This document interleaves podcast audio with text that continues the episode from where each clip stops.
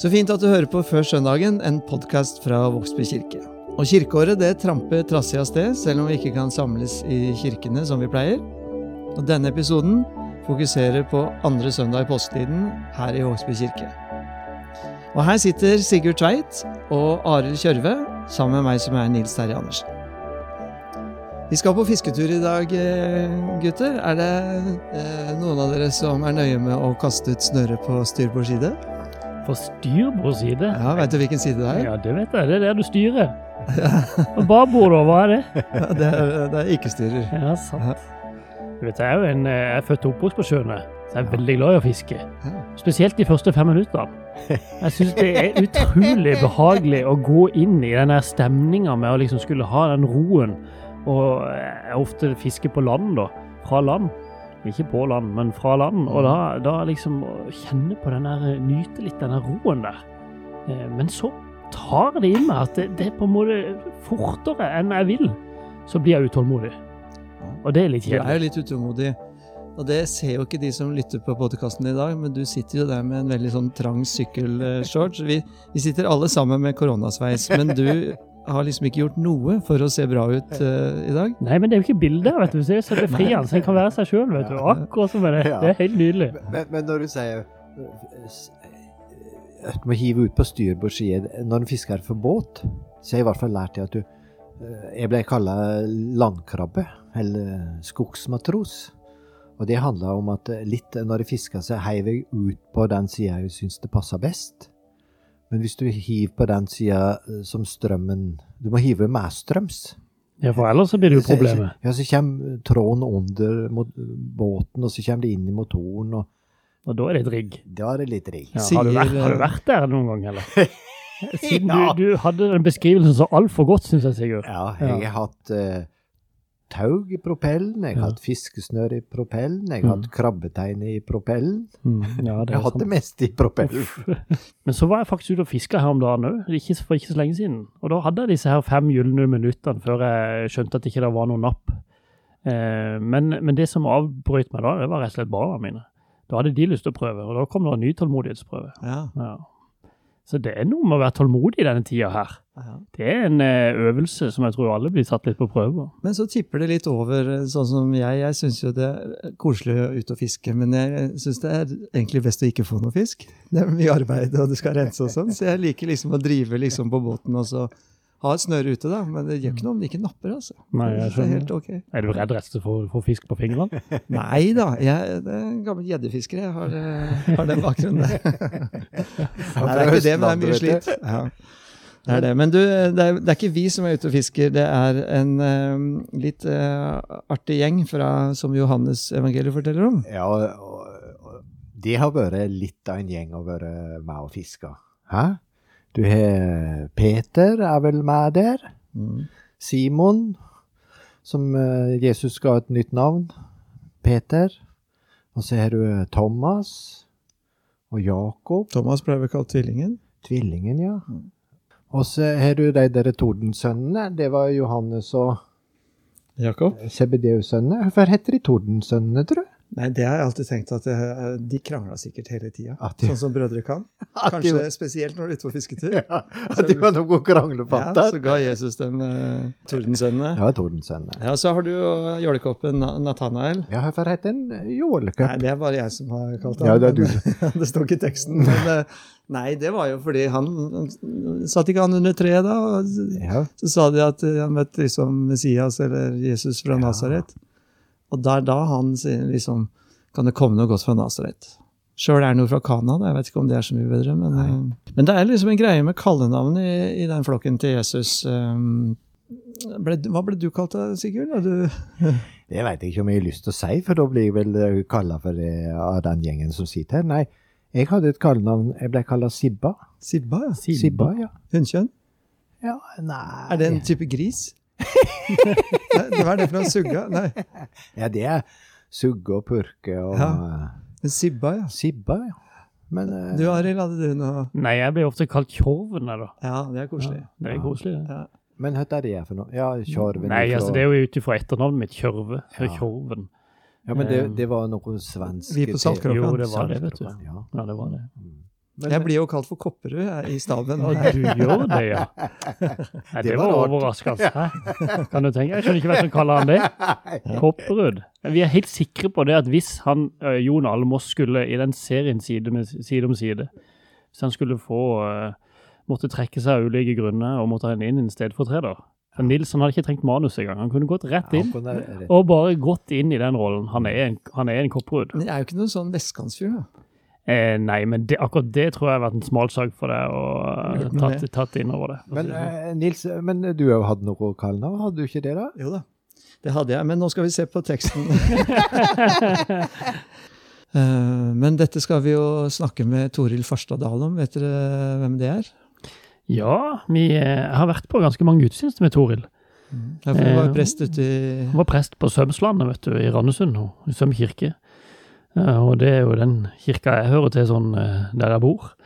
Og hun har hatt utallige barnegudstjenester med utrolig mange flotte kostymer. Har fått barna eh, med seg inn i prekenen sin på den måten. Så hun det. dyp respekt for. Ja.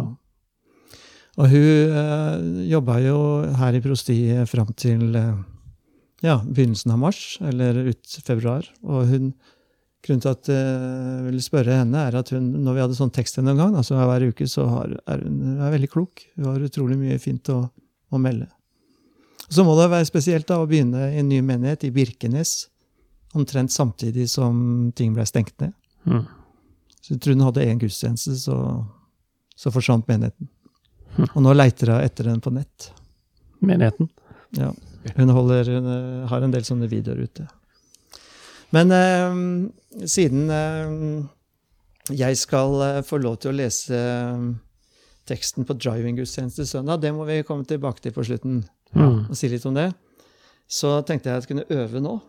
Um, Vil du si at du ikke øver? Nei, nå øver jeg. Det skal jeg få til. Eh, søndagens, eller evangeliet for andre søndag i påsketiden, kommer fra Johannes evangeliet, 21. kapittel. Siden åpenbarte Jesus seg enda en gang for disiplene ved Tiberiassjøen. Det gikk slik til. Simon Peter, Thomas, som ble kalt Tvillingen, Nathanael fra Kana i Galilea, Sebedeus-sønnene og to andre av disiplene hans var med der. Simon Peter sier til de andre, Jeg drar ut og fisker. Vi blir også med, sa de. De gikk av sted og steg i båten, men den natten fikk de ingenting. Da morgenen kom, sto Jesus på stranden, men disiplene visste ikke at det var han. Har dere ikke noe å spise, barna mine? sa Jesus til dem. Nei, svarte de.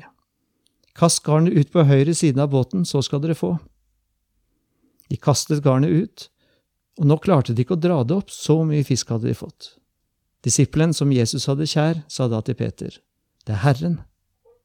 Da Simon Peter hørte at det var Herrens, og bandt han kappet om seg, for den hadde han tatt av, og kastet seg i sjøen. De andre disiplene kom etter i båten og dro garnet med fisken etter seg. Det var ikke langt fra land, bare omkring 200 alen. Da de var kommet til land, så de et bål der, og det lå fisk og brød på glørne. Kom hit med noen av fiskene dere nettopp fikk, sa Jesus til dem. Simon Peter gikk da om bord i båten og trakk garnet i land. Det var fullt av stor fisk. 153 i alt. Men enda det var så mange, revnet ikke garnet. Jesus sa til dem, Kom og få mat. Ingen av disiplene våget å spørre han, Hvem er du? De visste at det var Herren. Så gikk Jesus fram, tok brødet og ga dem, og det samme gjorde han med fisken. Dette var tredje gang Jesus åpenbarte seg for disiplene etter at han hadde stått opp fra de døde.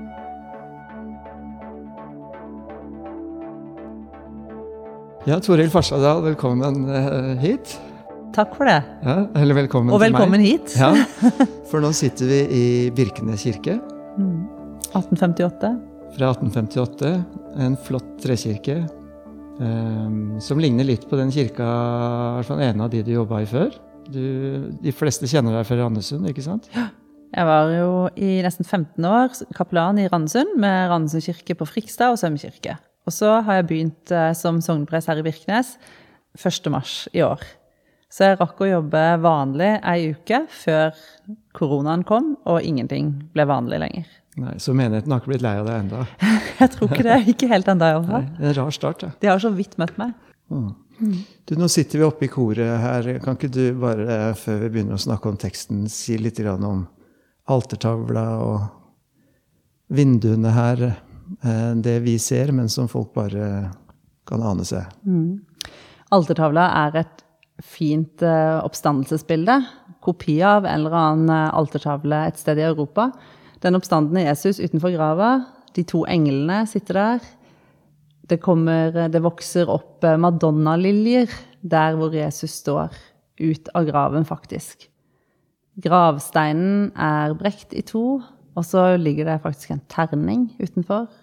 Eh, en soldats hjelm og et spyd ligger henslengt. Og så er det en kullild som brenner i hjørnet av bildet. Og så står det under 'Jeg lever, og dere skal leve', fra Johannes 14, 19. Og på hver side av alteret så er det to vakre glassbilder av Barbro Ran Thomassen, som bare er noen få år gamle.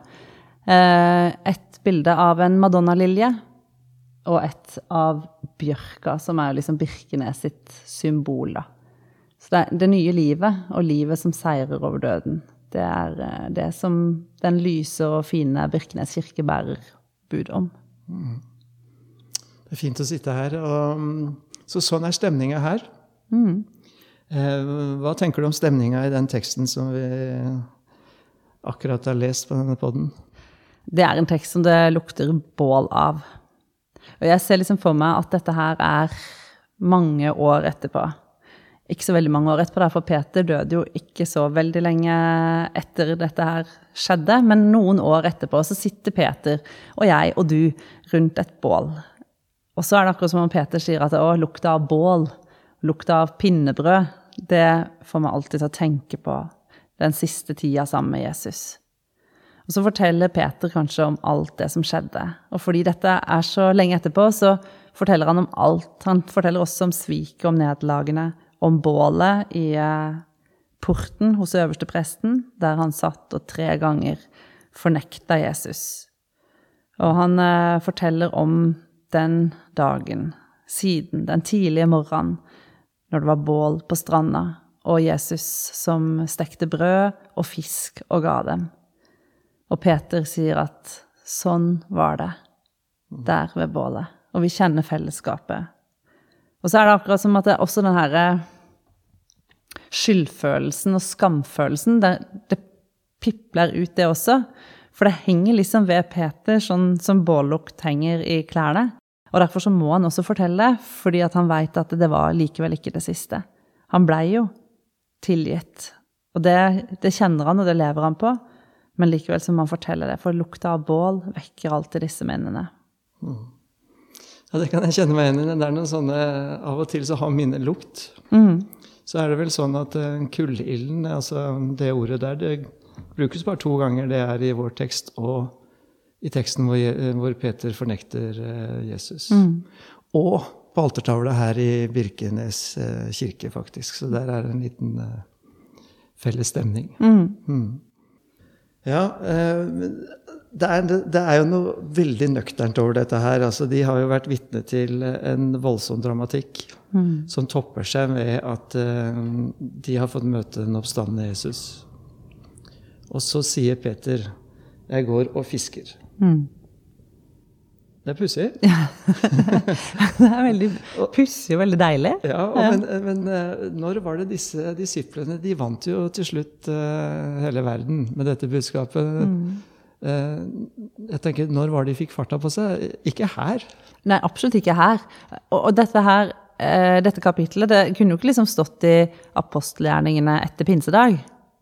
Det er ikke der det står. Nei. Det står før der. Det står den her forvirra tida. Og jeg tenker, Vi kan jo ikke anklage han for å si 'nå drar jeg og fisker'. Noen har jo ment at det er tegn på sånn frafall. da. Sånn som Johannes sier en gang tidligere, at dere skal bli øh, Hva er det han sier? Jesus sier dere, det kommer en dag at dere skal liksom bli spredt for alle vinder og la meg bli igjen aleine. Eh, Men jeg tror ikke det er det det er uttrykk for. Vi kan ikke anklage dem for å liksom gripe tilbake til rutinene, det de kjenner. Altså hvem forstår en oppstandelse i løpet av noen få dager? Eh, Det er jo det vi vet om både sorgarbeid og krisehåndtering. Altså hold fast i rutinene. Mm. og det er jo bedre å gjøre noe nyttig enn å gå der og lure, sånn som Peter sikkert gjorde. Og jeg tenker hele liksom, den erkjennelsen av oppstandelsen Vi kan jo ikke kreve av dem at det helt og fullt er tatt inn. En erkjennelse er jo ikke noe som kommer punktvis en gang for alle, men en erkjennelse er jo noe som kommer igjen og igjen gradvis. Så jeg tenker at Peter tenker at nå, nå orker jeg ikke mer av den grublingen og skjønner jeg ingenting. Dessuten så har Jesus sagt at vi skal møte han i Galilea, eh, så derfor så drar jeg dit. Eh, Og da gjør jeg det jeg kan, og det er å fiske. For nå har jeg gjort mye som jeg ikke var spesielt god på, men nå får jeg gjøre noe som jeg kan. Og det er det, er det å fiske.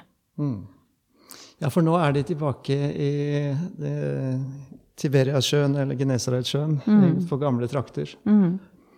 Eh, og, men eh, vi lever jo også i en liksom forvirra tid nå, og hvor nettopp veldig mange savner det Savner rutinene og ikke har anledning til å utføre eh, rutinene. Det, det er viktig for oss. Og samtidig så, så gir det jo en relevans. da. Hva gjør man med dette vanvittige budskapet?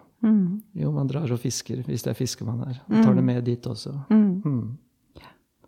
Og så tenker jeg at det, altså For Peter så, så har sikkert den tanken slått ham flere ganger, at det ble ikke akkurat sånn som jeg hadde tenkt. Altså Livet med Jesus ble ikke helt sånn som de hadde tenkt. Det så du jo da i påsken. når liksom, Han ble jo ikke konge, akkurat. Det ble jo pinelse og død og alt mulig. Men så er det akkurat som livet etter oppstandelsen ble heller ikke sånn som de hadde tenkt. For de hadde kanskje tenkt at det ble noe mer varig og mer triumfrikt og seierrikt. Men så var det ikke det heller, for Jesus kommer og går. De vet jo aldri hvor han er, aldri når han kommer. Og jeg tenker at selv om den der gleden og begeistringen er der hver gang de møter Jesus, så, så blir han jo borte igjen også, da. Så alt det som ikke ble sånn som de hadde tenkt, det, det må han på en måte håndtere. Og da, da gjør han det som han kan, å fiske. Da gjør de det de kan. Mm. eh, Lukas, Evangelisten Lukas skriver jo også om eh, en fisketur hvor de får oppsiktsvekkende mye fisk. Eh, tenker du at dette er to forskjellige hendelser, eller er det, er det to forskjellige perspektiver? Jeg tenker Johannes er jo litt sånn at han ser ting fra sånn fugleperspektiv. Og, og de underfortellingene han forteller om, de er jo tegn. Og de, de peker på noe annet, de, de symboliserer noe. Mm. De forteller om en annen virkelighet. Mm. Vi, altså, nå stiller jeg et spørsmål som vi jo selvfølgelig aldri kan vite, men, eh, eh, men jeg tenker på disse disiplene at eh, dette har vi opplevd før, det må jo ha slått dem hvis de, hvis de Ja, men Kanskje er det derfor de gjør som han sier? da? Kanskje er det derfor de, de fisker på andre sida av båten? Det er, ikke, det er jo ikke så, De vet jo ikke hvem det er som står der inne og kauker at de skal prøve på andre sida. Altså, hvem er det for en idiot som kommer og skal gi dem et råd? Det Er ikke det det samme? Hvilken side er du fisker på? Eh, jeg, jeg vet ikke. Jeg liker å tenke at det er to forskjellige historier. jeg, Da. Ja. Eh, det er jo, altså, denne gangen så er det ikke noe Peter går jo ikke på vannet. Han kaster seg uti og kaver og svømmer 100 meter. liksom. Altså, det er ikke noe, Han går ikke på vannet og synker. Eh, og, og de klarer å dra, dra nota i land, eh, den ene båten. De trenger ikke hjelp fra andre båter. Jeg vet ikke. Ja, og det er jo da, når dette skjer, at Johannes, det demrer for Johannes. Da sier han til Peter det, det er Herren. Ja, det er det. Johannes han er jo liksom den som er litt mer sånn innadvendt. Den disippelen Jesus hadde kjær. Han er oftere nær Jesus, sitter inntil. Hvis Jesus bare velger seg noen, så er alltid Johannes med. Og han har kanskje sånn der, et sånn indre blikk da, som ser ting litt før de andre gjør det. At han er en som undrer seg, som tenker og reflekterer, og som, som sier "Men det er Herren. Mens det har jo ikke Peter sett i det hele tatt. Men Peter er den som handler. Når da Johannes sier, så er det han som kaster seg i vannet og kaver seg i land. Så det er liksom ja, to helt forskjellige. Den som tenker og undrer seg og ser, og den som bare handler. Ja, det, er, det er to herlige responser, og veldig forskjellige. Mm. den disippelen som Jesus hadde kjær, han kjenner han igjen veldig fort. Skjønner det. Eh, Peter, når han først oppdager det litt seinere, så hiver han seg ut av båten. Det er ganske vakkert. Med den historien han har. Mm, Peter er jo fiskeren, så han er sikkert mer enn opptatt med all den fisken. da. Så han har ikke tid til å se på noe mer og tenke noe mer enn det. Nei, det det. Men du, all denne fisken Det, det er jo tallfesta her i 153 fisker. Mm. Um, hva betyr det? Nei, det er det jo tolka og forska mye på, og jeg er jo veldig svak med tall, så jeg kan knapt Jeg kan ikke telle til 153, tror jeg. Eh, Men på den tida så, så trodde de jo kanskje at eh, 153 eller 157, det var så mange fisker som fantes. Fiskeslag som fantes. Eh, Så at det på en eller annen måte sier at dette her er alt og alle og det hele, liksom. Eh, eh, men det er jo veldig mye. Og hvorfor er det så mye? Og hvorfor vet de nøyaktig hvor mange det er? Er det liksom at de da faktisk telte de opp for de skulle fordele dem mellom de her syv fiskerne, så alle fikk litt hver? Eller var det fordi det var en som liksom sa Hvor mange er det her, da? Eh, men det er mye, og det, etter gammelt så var det kanskje at dette var alt og alle. Og derfor så er jo den teksten også ofte brukt som en sånn en misjonstekst, da. Eh, som et sånt bilde på alle de folkeslag som en gang var kjent. Eh, Det er jo mange mange flere enn 153, men en gang var det 153 folkeslag man kjente til. Og da var denne teksten også et sånt et tegn på da, at alle skulle med. At eh, evangeliet skulle nå til alle folkeslag. Så disse her fiskerne som fremdeles på dette tidspunktet bare rett og slett er fiskere, eh, de skulle jo bli menneskefiskere. Og de har ikke kommet dit ennå, for de har ikke fått Den hellige ånd. Og de er ikke verken trygge eller eh, så glade hele tida. Og heller ikke er det noen enhet mellom dem. Og de har vel ikke helt bevissthet heller om at dette er for alle. Men teksten er viktig sånn misiologisk, da. Og eh, enten det er folkeslag, eller om det er eh, Det er jo mange forskjellige typer fisker, dette her. Vi vet åssen fisker ser ut, så det er mye snålt og mye rart og mye forskjellig. Så gjelder det alle, og, og noten revner ikke, Nei. skriver hun. Mm. Den tåler det. Mm. Kirka tåler de ulike typene. Mm. Ofte så, så snakker vi jo på denne søndagen om Thomas, tvileren Thomas. Stakkars, det er ikke sikkert det er så rettferdig at han blir kalt for tvileren Thomas, men, eh, men han er også med i båten på denne fisketuren, da. Eh, og jeg tenker at det, den her kvelden hvor de sier at det, hvor Peter sier jeg drar ut og fisker, og de andre blir med, så kan det jo være en viss sånn resignasjon i det. Og, og iallfall så må de ha mista motet når de da ikke får noen ting den natta. Og da er det jo det veldig et sånt tegn også på at natta er jo ofte tvilens sted. Uh, og det er vel ikke alle de i den båten som er like overbevist om hva som skjer, og hvem det er. Uh, men også, også de er det plass til da, i denne båten og i dette fellesskapet. Både de som tror mye, og de som tviler mye. Og alle imellom. Så denne båten, den eh, opplever både natt og det å ikke få fiske. Og den opplever dag og det å merke at man kan håve inn en not som er så tung. Eh, Den omfavner alle. Er et godt bilde på kirken. Og jeg tenker den velsigna lukta av mat og dette fellesskapet rundt bålet Det blir også veldig sånn symbol på alt vi savner nå i denne koronatida. Altså både de store måltidene hjemme Nå, nå er vi bare med de aller nærmeste hele tida og går opp hverandre, tråkker hverandre på tærne og blir lei av hverandre. Men, men de der store, litt bråkete måltidene 'Hallo, det er plass her. Det er, det er en stol til på hjørnet her. Kom igjen, trøkk dere inn, vi får plass. Er det ditt glass, eller er det mitt glass?' Alt det som liksom er sånn vi absolutt ikke kan, kan ha nå. Dette her er også et håp om det, da. Igjen å få sitte tett sammen. Og også det lille måltidet i kirka med bitte, bitte lite grann brød, bitte lite grann vin. Altfor lite til å bli mett av, men likevel nok til å leve på og dø på. Og det er også et måltid som vi savner. Eh, og da tenker jeg denne teksten også nærer det håpet, da, om at en gang så skal vi få trøkke oss sammen rundt et bord igjen, og en gang så skal vi sitte her skulder ved skulder rundt alteret og ta imot brød og vin og vite at det er nok til livet. Så jeg syns at denne her eh, bålfølelsen, den, den må vi bare holde fast i og, og lengte etter. For vi er der, vi kommer til å komme dit igjen en gang. Ja, for det er ikke noe som uten videre erstatter den. Altså, Johannes det starter jo med vinunderet. Eh, bryllupet, festen. Avsluttes med måltider rundt bålet her. Um, vi snakker jo mye om at vi, er, vi står sammen, og sånt, og det gjør vi jo i våre dager. Og vi har digitale gudstjenester og har et type fellesskap der. Men eh, Bibelens fellesskap er veldig fysisk. Det handler om mat og bål og lukt og, og kropp. Og, og det er på en måte også noe med kirkens vesen. Den er veldig fysisk. Det handler om å komme sammen, møte hverandre, se hverandre. Eh, Hva tenker du om det? Du har jo begynt i en menighet nå som nå er uten på en måte fysiske folk. Det er tomt der. Det er veldig rart, og jeg, jeg kjenner jo både for egen del, og jeg merker på mange andre at de savner det. Vi savner det jo, og det er veldig fint egentlig det da.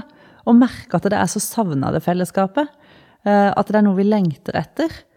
Mange flere enn oss som pleier å gå i kirka hver eneste søndag, så lengter vi etter dette fellesskapet.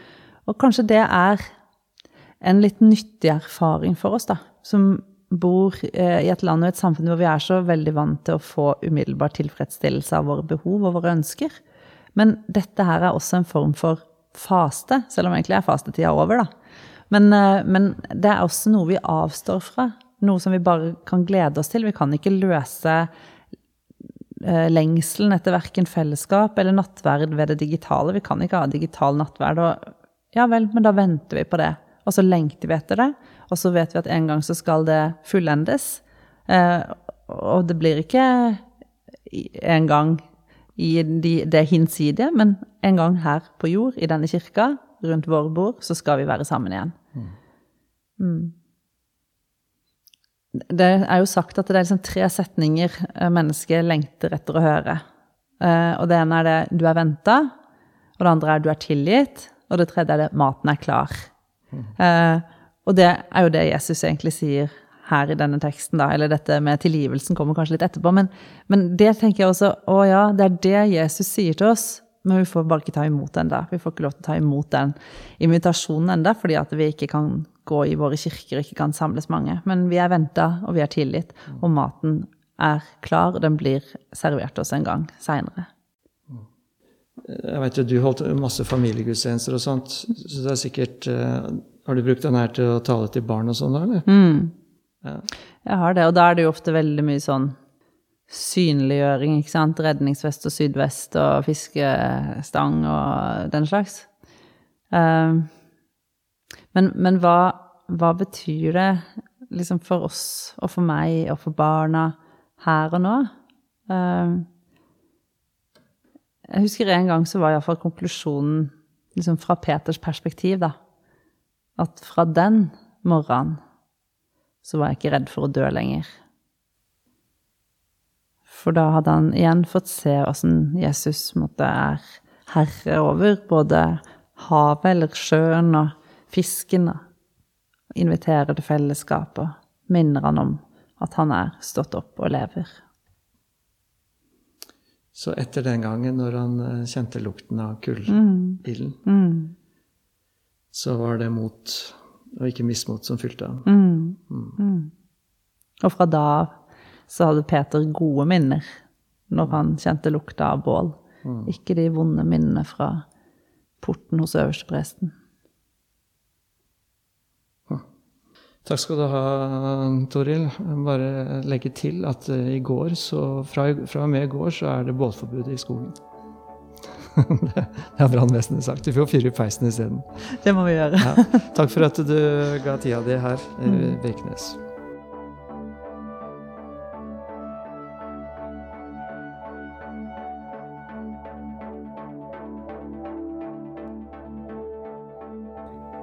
Ja, det var en spennende prat med Toril fin, og Nils. ja, Ja. en utrolig fin prat. Ja, det var det. Og jeg syns det var godt å høre på Toril når hun snakka. Eh, jeg fikk oss på en måte med inn i teksten. Det ble levende. Det er gode metaforer i denne teksten som vi kan kjenne oss igjen i. Ja, det er nesten at du, du er med ned på stranda der. Mm. Og hva tenker du på da, eh, Sigurd, når du er på stranda der? Nei, jeg, jeg ser for meg at eh, stemningen er egentlig Han er god. Mm. Eh, Det er gode venner som er sammen. Men så er jeg litt usikker på om Peter er det litt vanskelig, Arild. Um, for um, han har på en måte det sviket nokså langt framme i, i panna, tenker jeg. Mm. Um, så, så Men det er jo litt fint, det, da, for uh, Peter, når han ser uh, oppdager Jesus, så er han ikke en sikkert som tenker at nei, han er litt skamfull og trekker seg litt tilbake, men han, han er rett på. Han, han, han møter han. Ja. Han, han facer han, på en måte. Mm. Så det sier noe om at i utgangspunktet så er de utrolig gode venner. Mm, det gjør det. Han føler seg trygg. Mm. Og så tenkte jeg på i den eh, samtalen med, med Toril, så, så, sitter jeg igjen med, med det perspektivet hun snakker om når disiplene gjør det de kan aller best i den tida hvor de opplever at det er litt uh, uhåndterbart. Det er et litt sånn vakuum. De vet ikke helt hva som skjer rundt seg. Um, og da reiser de og fisker. Og sånn som vi ofte er, så tenker jeg at uh, vi ofte strever etter det vi ikke kan. Uh, at vi på en måte skal bli bedre til så mange ting. Og så er det jo ting vi er så gode på. Og rett og slett ha det perspektivet inn i den tida vi er i nå. Spesielt nå òg, for dette Eh, nå er det en sånn situasjon som man er, eh, men det er så mange ting vi, vi skaper identitet, og, og, hvem vi er, og, og, ting vi er gode på. Og, og ikke hele tida eh, karre oss til eller eh, streve etter det vi ikke kan. Det, det, var et sånt perspektiv som jeg satt litt igjen med etter den samtalen. Holde fast på rutinene ble nevnt, sånn som i sorgteorien og i sorgarbeid og i krisehåndtering. at det, ja, er det noe vi kan holde fast på nå? Eh, og da òg ha det positive blikket vendt litt inn mot seg sjøl, da. Det tror jeg kan være en sånn viktig oppfordring i dag. Ja. De dro og fiska. De dro og fiska. Jeg tar en tur ut i skogen nå. Hva skal dere? Jeg skal ha meg en joggetur. Og jeg er rett og slett på sykkelen eh, på vei til Sømsland igjen. Men jeg skal ha en liten ekstrasløyfe i dag. Nå hørtes vi nydelig. ufordragelig spreke ut. ja, vi gjorde det. Det er ikke rutine for meg, i hvert fall. Men det, var veldig fint. Men, Men- du, ja, Nei, det, det hørtes mest sprek ut.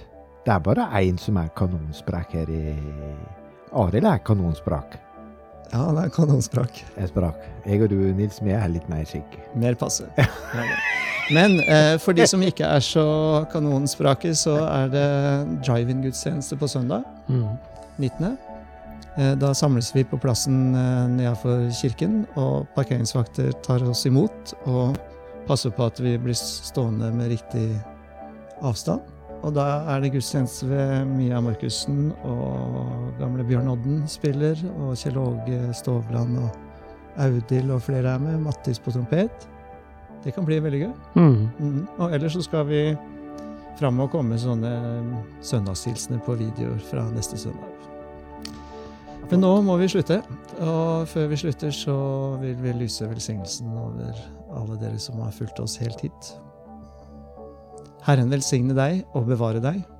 Herren la sitt ansikt lyse over deg og være deg nådig. Herren løfte sitt åsyn på deg og gi deg fred. Amen.